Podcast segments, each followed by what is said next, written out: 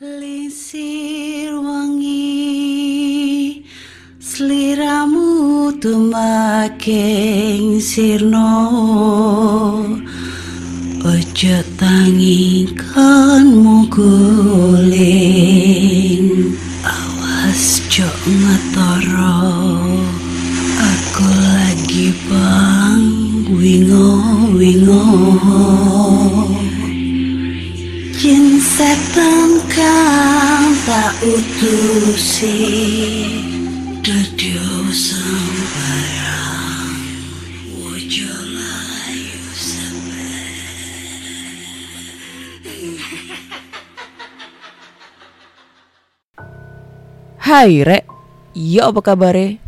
Ketemu lagi dengan aku si Anda di podcast kisah horor. Kita bertemu di episode 271. Eh, kali ini bener ya. Kemarin salah sebut 280 ya, maaf. Dan di episode kali ini aku akan bacakan cerita horor ataupun email berhantu yang sudah dikirimkan teman-teman melalui podcast kisah horor gmail.com ataupun di Instagram podcast kisah horor serta Google Form yang lainnya tersedia di bio Instagram podcast kisah horor. Ini herpes sakit banget ya. Gila, gua kena herpes lagi mana kenanya diketek lagi ada. Uh, episode kemarin agak sedikit terganggu ya. Ternyata backsound gue kegedean coy. Ya maklum. Uh, gue rekaman di mobil bawa laptop bawa mikrofon terus habis itu ngedit di situ dadakan. Yos gak ngerti ngantuk-ngantuk. Habis itu langsung tayang Eh, ini demi siapa? Kalau bukan demi kalian semua ya kan, para pendengar cerita horor gitu kan, temen horor-horor semua. Terus ada yang komen, makin lama aku makin nggak serem ya ceritanya, nggak seru. Ya itulah, makanya lu kirim cerita ya, biar ceritanya makin seru. Karena gue menyadari nih, makin hari makin nggak serem nih ceritanya di PKH. Tapi gue mengapresiasi sih untuk teman-teman yang sudah mengirim ceritanya. Jadi ya mau serem mau enggak, pokoknya lu terima bacotan gua.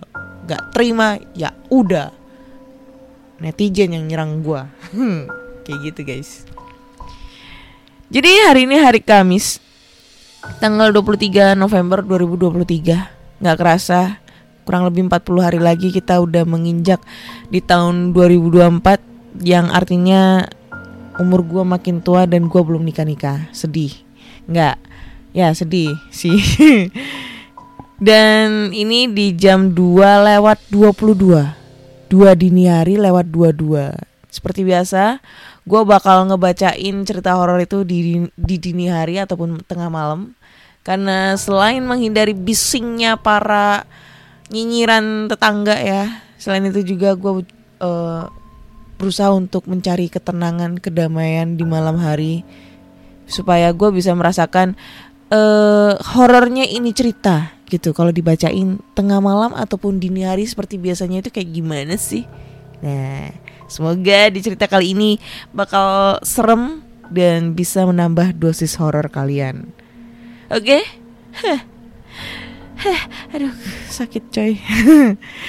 dan cerita pertama ini datang dari siapa nih? Balkis. Judulnya adalah Kutukan Diklat OSIS. Wih, kutukan bro. Sekutuk apa sih? Hai Kak Ana, perkenalkan nama aku Balkis. Jadi aku pengen bercerita tentang pengalaman aku pada saat melaksanakan diklat OSIS di sekolahku dulu. Jadi di awalan kelas 11, tanpa diduga-duga, aku ditunjuk secara langsung sama ketua OSIS yang bentar lagi jabatannya bakal lengser. Buat jadi salah satu pengurus OSIS di kepengurusan berikutnya. Entah kenapa perasaanku udah langsung gak enak aja begitu de begitu dengar berita itu. Singkat cerita, semua calon pengurus OSIS baru itu harus ikut diklat, termasuk aku. Diklat itu diadakan selama dua hari satu malam, dimulai dari hari Sabtu pagi sampai Minggu sore. Ketika masuk halaman sekolah hari Sabtu pagi itu, aku udah ngerasa kayak ada yang aneh. Tapi aku sama sekali nggak ngerti sebenarnya ada apa. waktu itu sekitar hampir jam 6 pagi aku udah nyampe di sekolah karena kegiatannya dimulai jam 6 pagi. Halaman sekolah udah agak rame sama calon pengurus OSIS yang lain. Sialnya, tiba-tiba aku kebelet dong. Perut aku rasanya mules banget. Jadi aku buru-buru ke toilet. Jadi, belakang toilet aku tuh ada kayak lorong gitu yang dipakai buat parkiran. Terus belakangnya parkiran itu ada hamparan sawah yang luas. Jadi waktu itu aku pakai toilet yang paling ujung dan otomatis kelihatan sama lokasi parkiran itu. Dan aku sempat lihat ada cewek rambut sebahu pakai gaun putih yang berdiri menghadap di hamparan sawah itu. Saking kebeletnya ya udah, aku cuekin aja.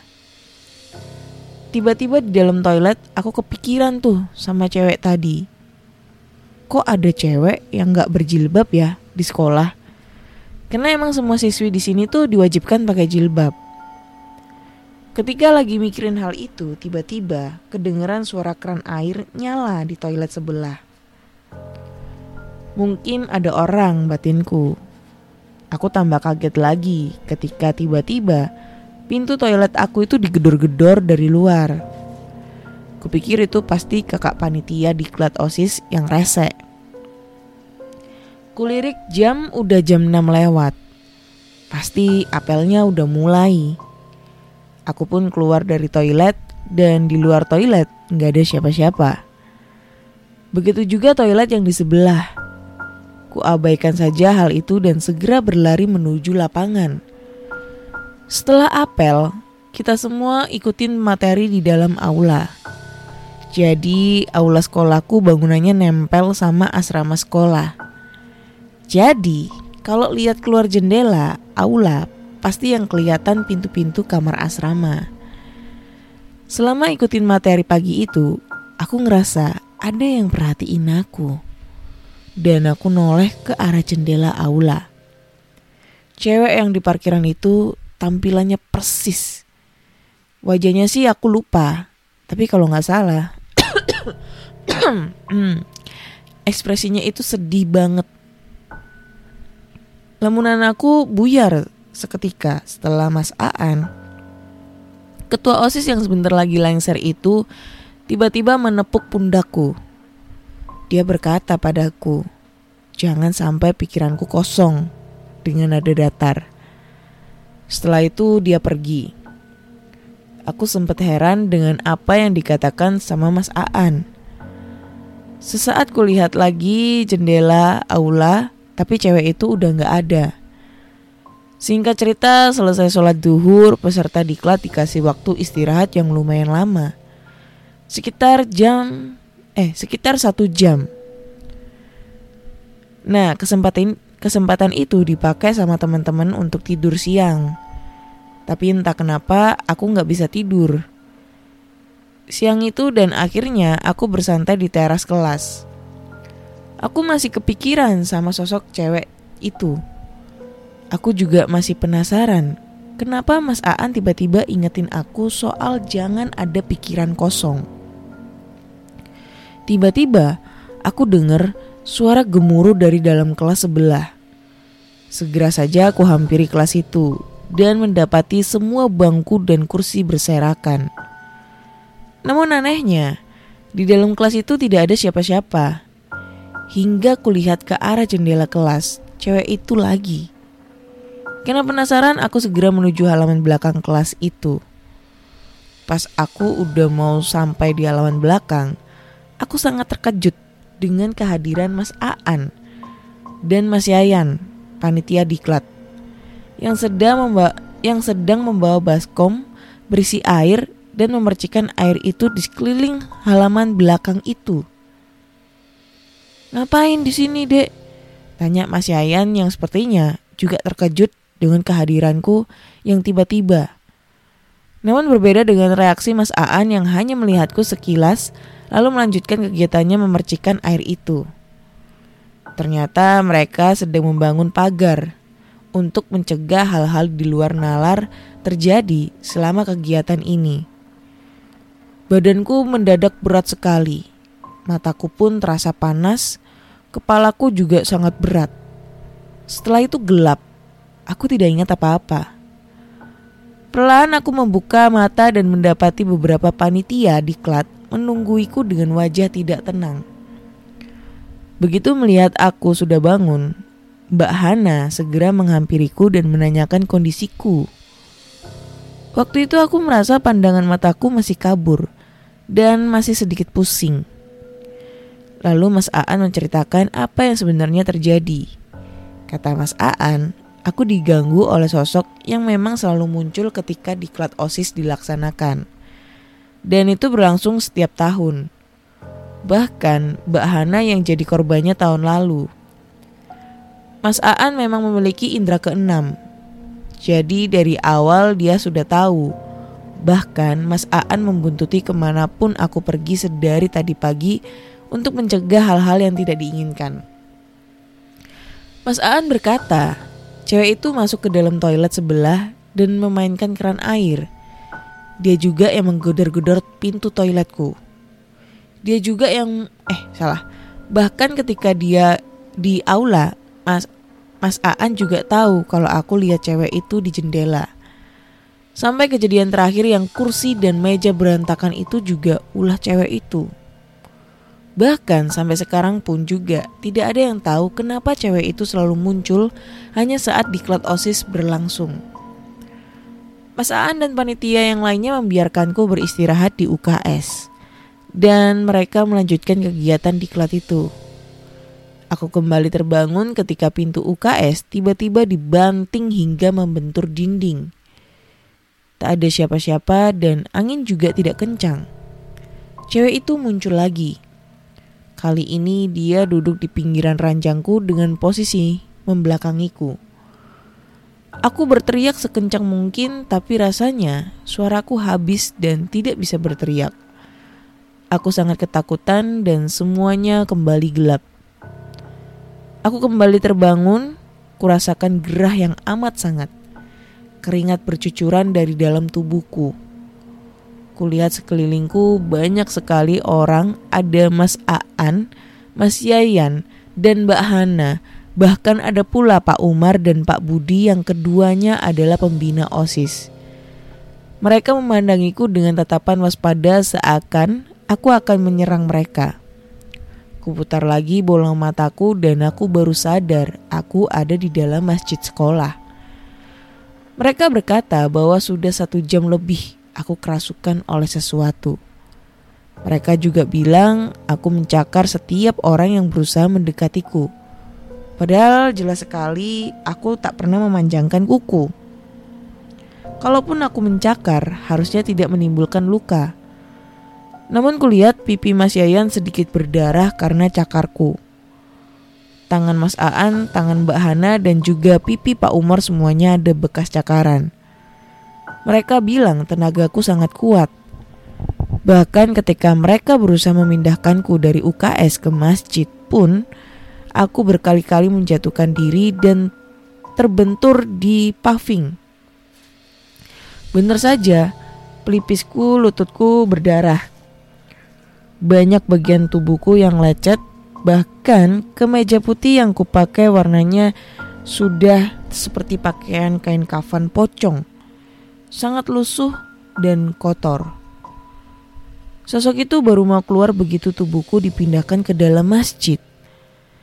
Setelahnya kegiatan diklat dihentikan, kejadian yang menimpaku saat itu paling parah karena pada tahun-tahun sebelumnya tidak ada yang sampai kerasukan, apalagi sampai menyerang orang lain. Anjay, kucingku ngagetin. Semua peserta dipulangkan setelah kejadian itu. Pihak sekolah secara rutin mengadakan pengajian setiap minggu di sekolah. Hingga saat ini pun sudah lima tahun berlalu sejak kejadian itu, aku sendiri tak pernah tahu apa penyebabnya. Selama lima tahun belakangan ini pun, cewek selalu muncul pada saat diklat OSIS, tapi tidak sampai merasuki peserta seperti yang ku alami waktu itu. Hmm. Hmm. Hmm. Hmm. Gimana guys menurut kalian tentang cerita ini? Ada yang aneh nggak menurut kalian? Nih, ini berisik banget sih kucing gua. Ah. Jadi kayak apa ya? Aneh banget gitu loh. Gue juga ini kan dia cerita kalau dia diganggu sama sosok cewek yang setiap tahunnya mengganggu pada saat kegiatan di klub OSIS gitu ya. Dan itu terjadi di pagi siang. Ya kita tahu ya sebenarnya sih kalau pagi itu kan ada kali setan yang keluar ya. Cuma kan identiknya itu kan malam ya. Kesurupan juga malam gitu loh. Tapi ini siang gitu. Yang agak sedikit aneh gitu kan. Terus dan apa ya? eh yang membuat aku agak sedikit kayak rancu pikiranku itu ya. Kenapa kegiatan kerasukan kayak gitu-gitu ya, maksudnya kegiatan kegiatan-kegiatan diganggu sosok makhluk halus itu identik dengan kegiatan MOS atau LDKS ya, latihan dasar kepemimpinan siswa. Masa orientasi siswa. Kegiatan mm, persami. Itu paling sering gue denger. Eh gue denger. Gue dapet cerita persami itu paling sering. Ya pasti ada kejadian kerasukan kayak kesurupan atau apa pun itu. Dan lagi mm, di cerita ini sih dia bilang setiap setiap tahun setiap ada kegiatan di klat osis itu selalu ada itu cewek setan cewek. Setan cewek siapa gitu? Ikutan diklat gitu pengen jadi ketua osis atau gimana gitu? Lagian juga ya kalau misalnya setan sudah mengeluarkan tenaga yang sangat eh sudah bisa memporak memporak porandakan bangku kursi apa segala macam gitu ya itu berarti tenaganya udah kuat coy. Nah ini yang jadi misteri kenapa biasanya ke hal-hal seperti itu tuh terjadi pada saat kegiatan sekolah. Gue selama ngebacain cerita dari episode 1 sampai sekarang ini ya, gue nggak pernah mengalami yang namanya uh, apa maksudnya dapat cerita tentang pengalaman horor pada saat ospek mahasiswa nih ya. Ini gue nggak pernah mendapatkan cerita itu kayak gak ada kegiatan kayak gitu tuh. Maksudnya cerita horor tentang uh, diganggu pada saat ospek. Itu nggak ada. Jadi kalau misalnya kalian punya pengalaman horor nih diganggu pada saat kegiatan ospek. Nah itu kalian bisa langsung aja kirim ceritanya tuh ke podcast gmail.com karena jujur nggak ada gue penasaran apakah pada saat uh, cerit kegiatan ospek itu gangguannya sama kayak gangguan pada saat zaman anak SMA gitu kan ngelihat sosok pocong, kuntilanak, gendruwo, lalu ada kegiatan kesurupan massal kayak gitu-gitu. Itu gue agak belum pernah mengalami, uh, belum pernah mengalami lagi, belum pernah dapat cerita pada saat kegiatan ospek. Toh, ya, kirim ceritanya, gue tunggu tuh. Serem, karena udah terlalu sering denger cerita model-model kayak gini, jadi kayak kurang greget aja sih ya. Jadi kayaknya kita next ke cerita berikutnya. Oke. Okay. Ini cerita kedua, semoga lebih serem daripada cerita pertama. Oke. Okay. Hmm. Cerita kedua ini berjudul pengalaman pengalaman mistis di Gunung Stong. Gunung Stong, apa nih? Oke. Okay. Hai Kak Ana, perkenalkan nama aku Billy. Cerita hantu ini terjadi sekitar setahun yang lalu saat aku mengikuti ekspedisi ke Gunung Stong. Gunung ini terletak di hutan Jelawang di negara bagian Kelantan, Malaysia. Ini merupakan pengalaman saya pertama kali ke luar negeri dan trekking gunung di luar negeri. Juga merupakan pengalaman pertama kali saya mengalami kejadian mistis di gunung. Kami tiba di perkemahan Gunung Stong jam 8 pagi. Eh salah, 8 malam. Setelah selesai mendirikan tenda, masing-masing membersihkan diri. Ada yang mandi di kamar mandi yang disediakan dan ada yang mandi di sungai yang terdekat. Waktu itu malam belum terlalu larut. Tetapi saya sudah mulai merasa tidak tenang. Saya sulit mendeskripsikannya, seperti ada yang mengawasi gerak-gerik saya. Aku tidak berani turun ke sungai karena saat itu sudah gelap. Setelah makan malam yang merupakan acara bebas, saya mengambil kesempatan ini untuk berkenalan dengan anggota ekspedisi Gunung Stong yang lain. Kami bercerita hingga larut malam. Ketika hendak memasuki tenda untuk tidur, sesaat saya menampak eh sesaat saya menampak sesuatu di dalam tenda. Teman satu tenda saya sudah tidur nyenyak sehingga dia tidak menyadarinya. Aku tidak membangunkannya juga. Takut mengagetkan dia. Lagi pula saya pikir mungkin saya salah lihat. Sepanjang malam, saya tidak bisa tidur nyenyak karena mendengar suara-suara binatang hutan yang menyeramkan. Sekitar jam 6 pagi, kami bangun dan bersiap-siap. Mulai mendaki Gunung Stong. Semua masih agak kelelahan mengingat semalam kami menempuh perjalanan 8 jam dengan bus untuk sampai ke kawasan ini. Setelah sarapan, semuanya bersiap-siap mendaki. Pada saat di kaki Gunung Stong, salah seorang peserta tiba-tiba mengundurkan diri gara-gara kakinya ini bengkak. Tidak jelas apa penyebabnya. Yang lain tetap melanjutkan perjalanan. Kami melintasi berbagai rintangan seperti anak sungai, air terjun, dan hutan belukar. Masing-masing walau lelah, tetapi tetap penuh semangat untuk melanjutkan perjalanan kami sampai di, di pertengahan gunung pada sore hari. Rencananya kami mendirikan tenda di sini, kemudian lanjut mendaki ke puncak. Nanti malamnya, setelah turun dari puncak, kami sudah bisa langsung istirahat di sini. Waktu itu ada di antara kami yang sudah tidak berdaya melangkah dan memutuskan tidak melanjutkan perjalanan ke puncak gunung mereka memilih menunggu kami di tenda. Aku bersama peserta yang lain melanjutkan perjalanan.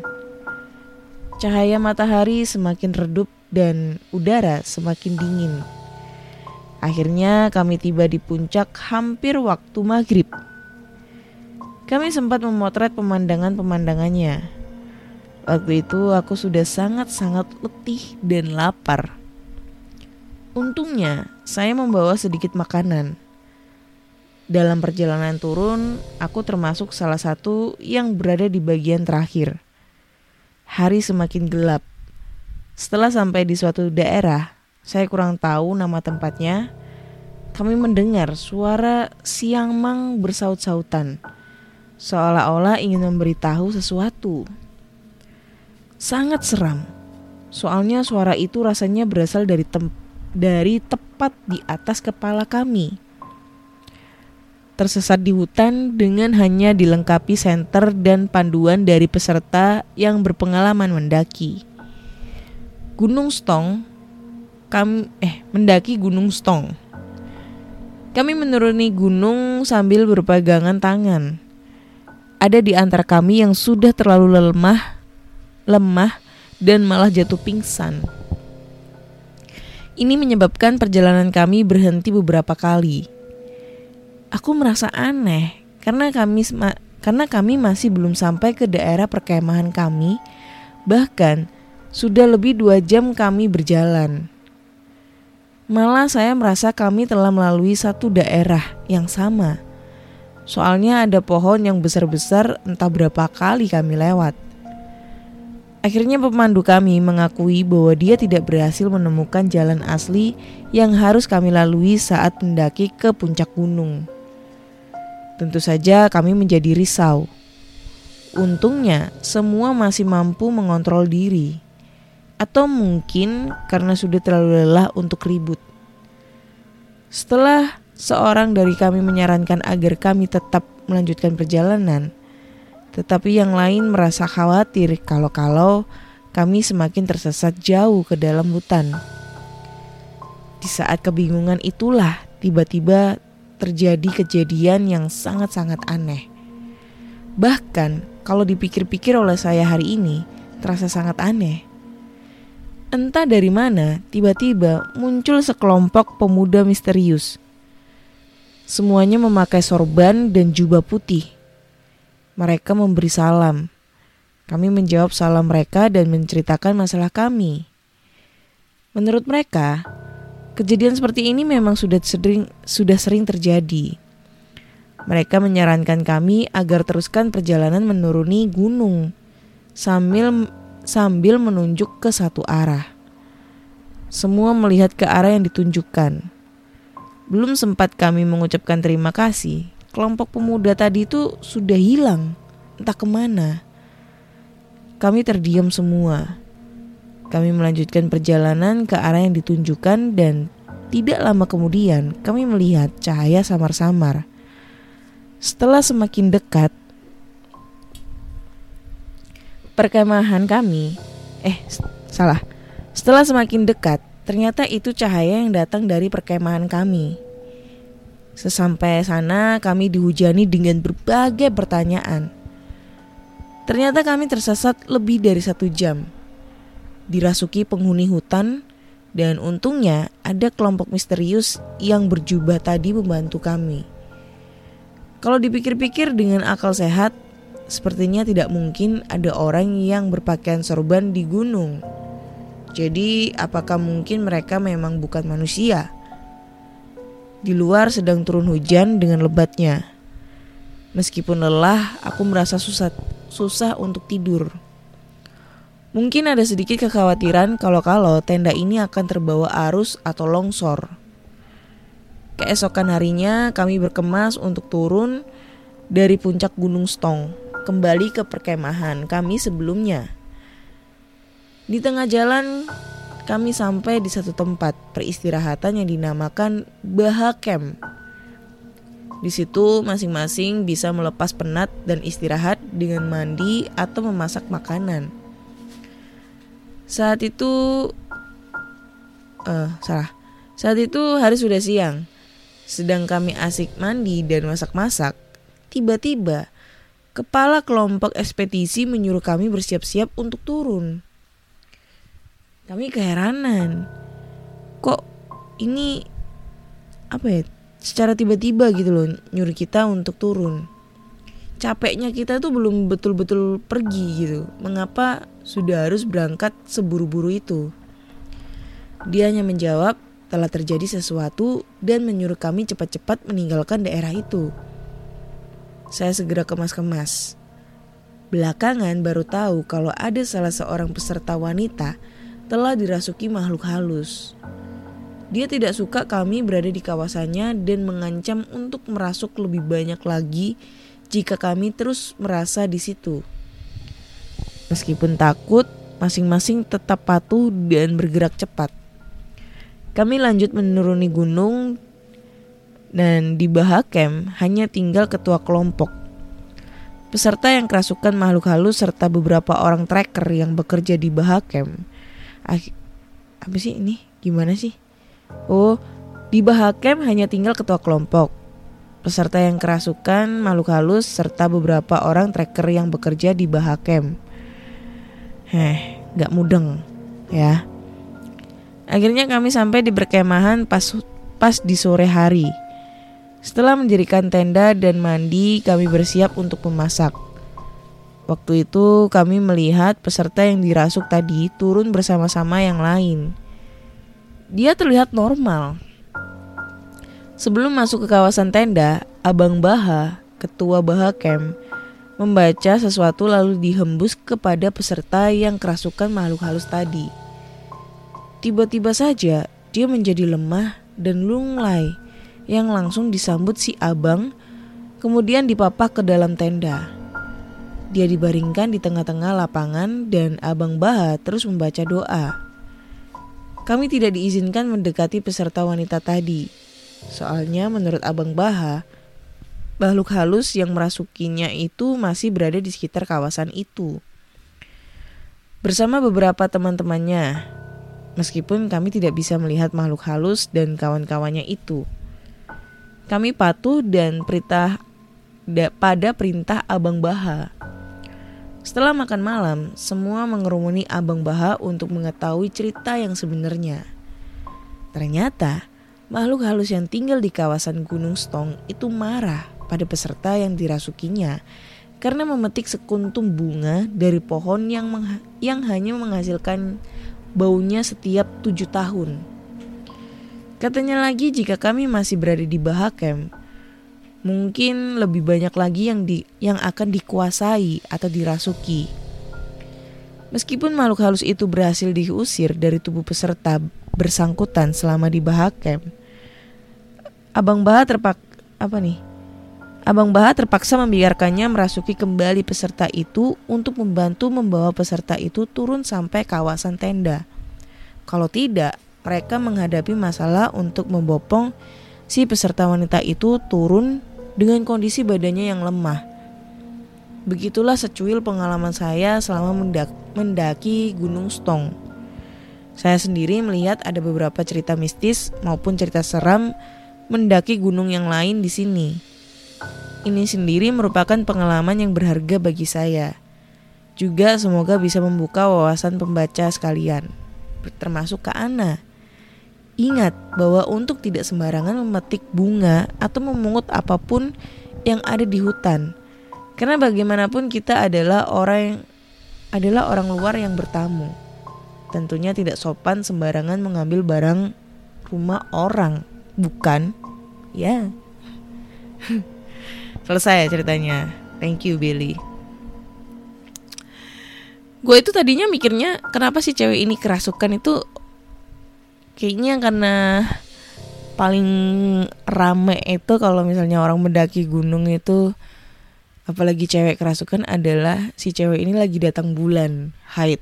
Nah itu paling sering cerita yang masuk di PKH adalah maksudnya cerita gunung itu kenapa terjadi suatu kayak kerasukan atau mungkin masuk ke pasar goib atau mungkin disasar-sasarin itu karena kebanyakan si cewek ini antara lagi haid datang bulan. Atau kalau nggak gitu tuh nyum apa ya ngomong kotor sembarangan ngomong yang nggak sopan di dalam hutan atau di gunung. Atau kalau enggak buang sampah sembarangan atau kencing di sembarangan tempat. Itu yang gue tahu dan pemikiranku adalah si cewek itu mungkin lagi haid gitu. Ternyata enggak. Dia metik bunga di Gunung Stong Stong ya bukan Strong. Gunung Stong yang katanya bunga itu bakal tumbuh dan harum selama tujuh tahun sekali coy. Bunga apa gitu ya? Yang dia tumbuhnya tujuh tahun sekali gitu loh. Gue juga baru tahu tuh Gunung Stong tapi ini emang lokasinya ada di Malaysia ya bukan di Indonesia. Dan ini cerita yang kedua kali cerita dari Malaysia nih ya yang pertama itu emang cerita dari penduduk asli Malaysia ya tapi yang kedua ini adalah kayaknya TKW dia eh TKI TKI yang lagi kerja di Malaysia gitu kita cek di di di ini ya di Google.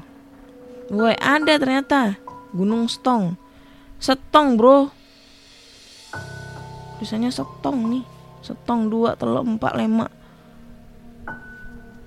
Oh, nih. Oh, gunungnya kayak gini. Wah, air terjunnya bagus nih. Oh iya. Sebenarnya sih, oh malah ada tempat wisatanya bro sekarang, Gunung Stong malah jadi tempat wisata bukan pendakian yang trekking-trekking ala pendaki nih sekarang hmm. Tapi ya itu tadi ya. Bener apa kata Billy? Kalaupun kalian mau ke mau mendaki gunung entah ke mana pun deh kalian yang sekiranya itu tempatnya wingit sepi dan kemungkinan memang itu alam bebas ya. Ya uh, banyak-banyakin berdoa, jaga ucapan, lisan, jaga tingkah laku dan juga diusahakan ke sana itu dalam keadaan bersih, bersih dalam pikiran, luar, dalam, apa pun itulah pokoknya biar tidak terjadi sesuatu hal yang tidak diinginkan. Makanya sampai sekarang kenapa alasan gua nggak mau diajak mendaki gunung? Karena selain capek ya gue orangnya gampang capean. Yang kedua itu gue takut hilang coy. Itu dah. Emang sih gue tuh pengen banget ngeliat setan gue pengen banget ngebuktiin setan ada di depan mata gue dan rata-rata itu kebanyakan teman-teman gue tuh kayak nyaranin naik gunung aja gitu. Tapi kayak apa ya takut gitu loh. Takutnya bukan malah ketemu setan malah kita jadi setan gitu kan. Nggak lucu gitu. Nggak ketemu setan malah kita jadi setan. Ya Allah ya Allah. Ya kayak gitulah guys. Hmm jadi cukup sekian lah di episode kali ini. Sorry banget kalau cerita di hari ini atau mungkin akhir-akhir ini cerita untuk PKH itu agak kayak garing kurang serem kurang greget atau apa pun tapi semoga aja di cerita berikutnya kita bisa mendapatkan cerita yang lebih serem lagi dari cerita-cerita sebelumnya. Jadi buat teman-teman semua kalau kalian punya cerita horor nih yang serem seru dan nakutin banget seperti se- eh, nggak seperti cerita-cerita sebelumnya Kalian bisa langsung aja kirim cerita kalian ke podcast kisah horor at gmail.com Ataupun DM Instagram podcast kisah horor serta Google Form yang lainnya tersedia di bio Instagram podcast kisah horor Jangan lupa dengerin podcast kisah horor di Spotify, Google Podcast, Apple Podcast, Noise, dan di Youtube Musik Jangan lupa juga kasih rating bintang 5 di Spotify, subscribe di Noise, dan subscribe di Youtube Akhir kata saya Ana undur diri dan terima kasih sudah mendengarkan podcast kisah horor. Bye bye.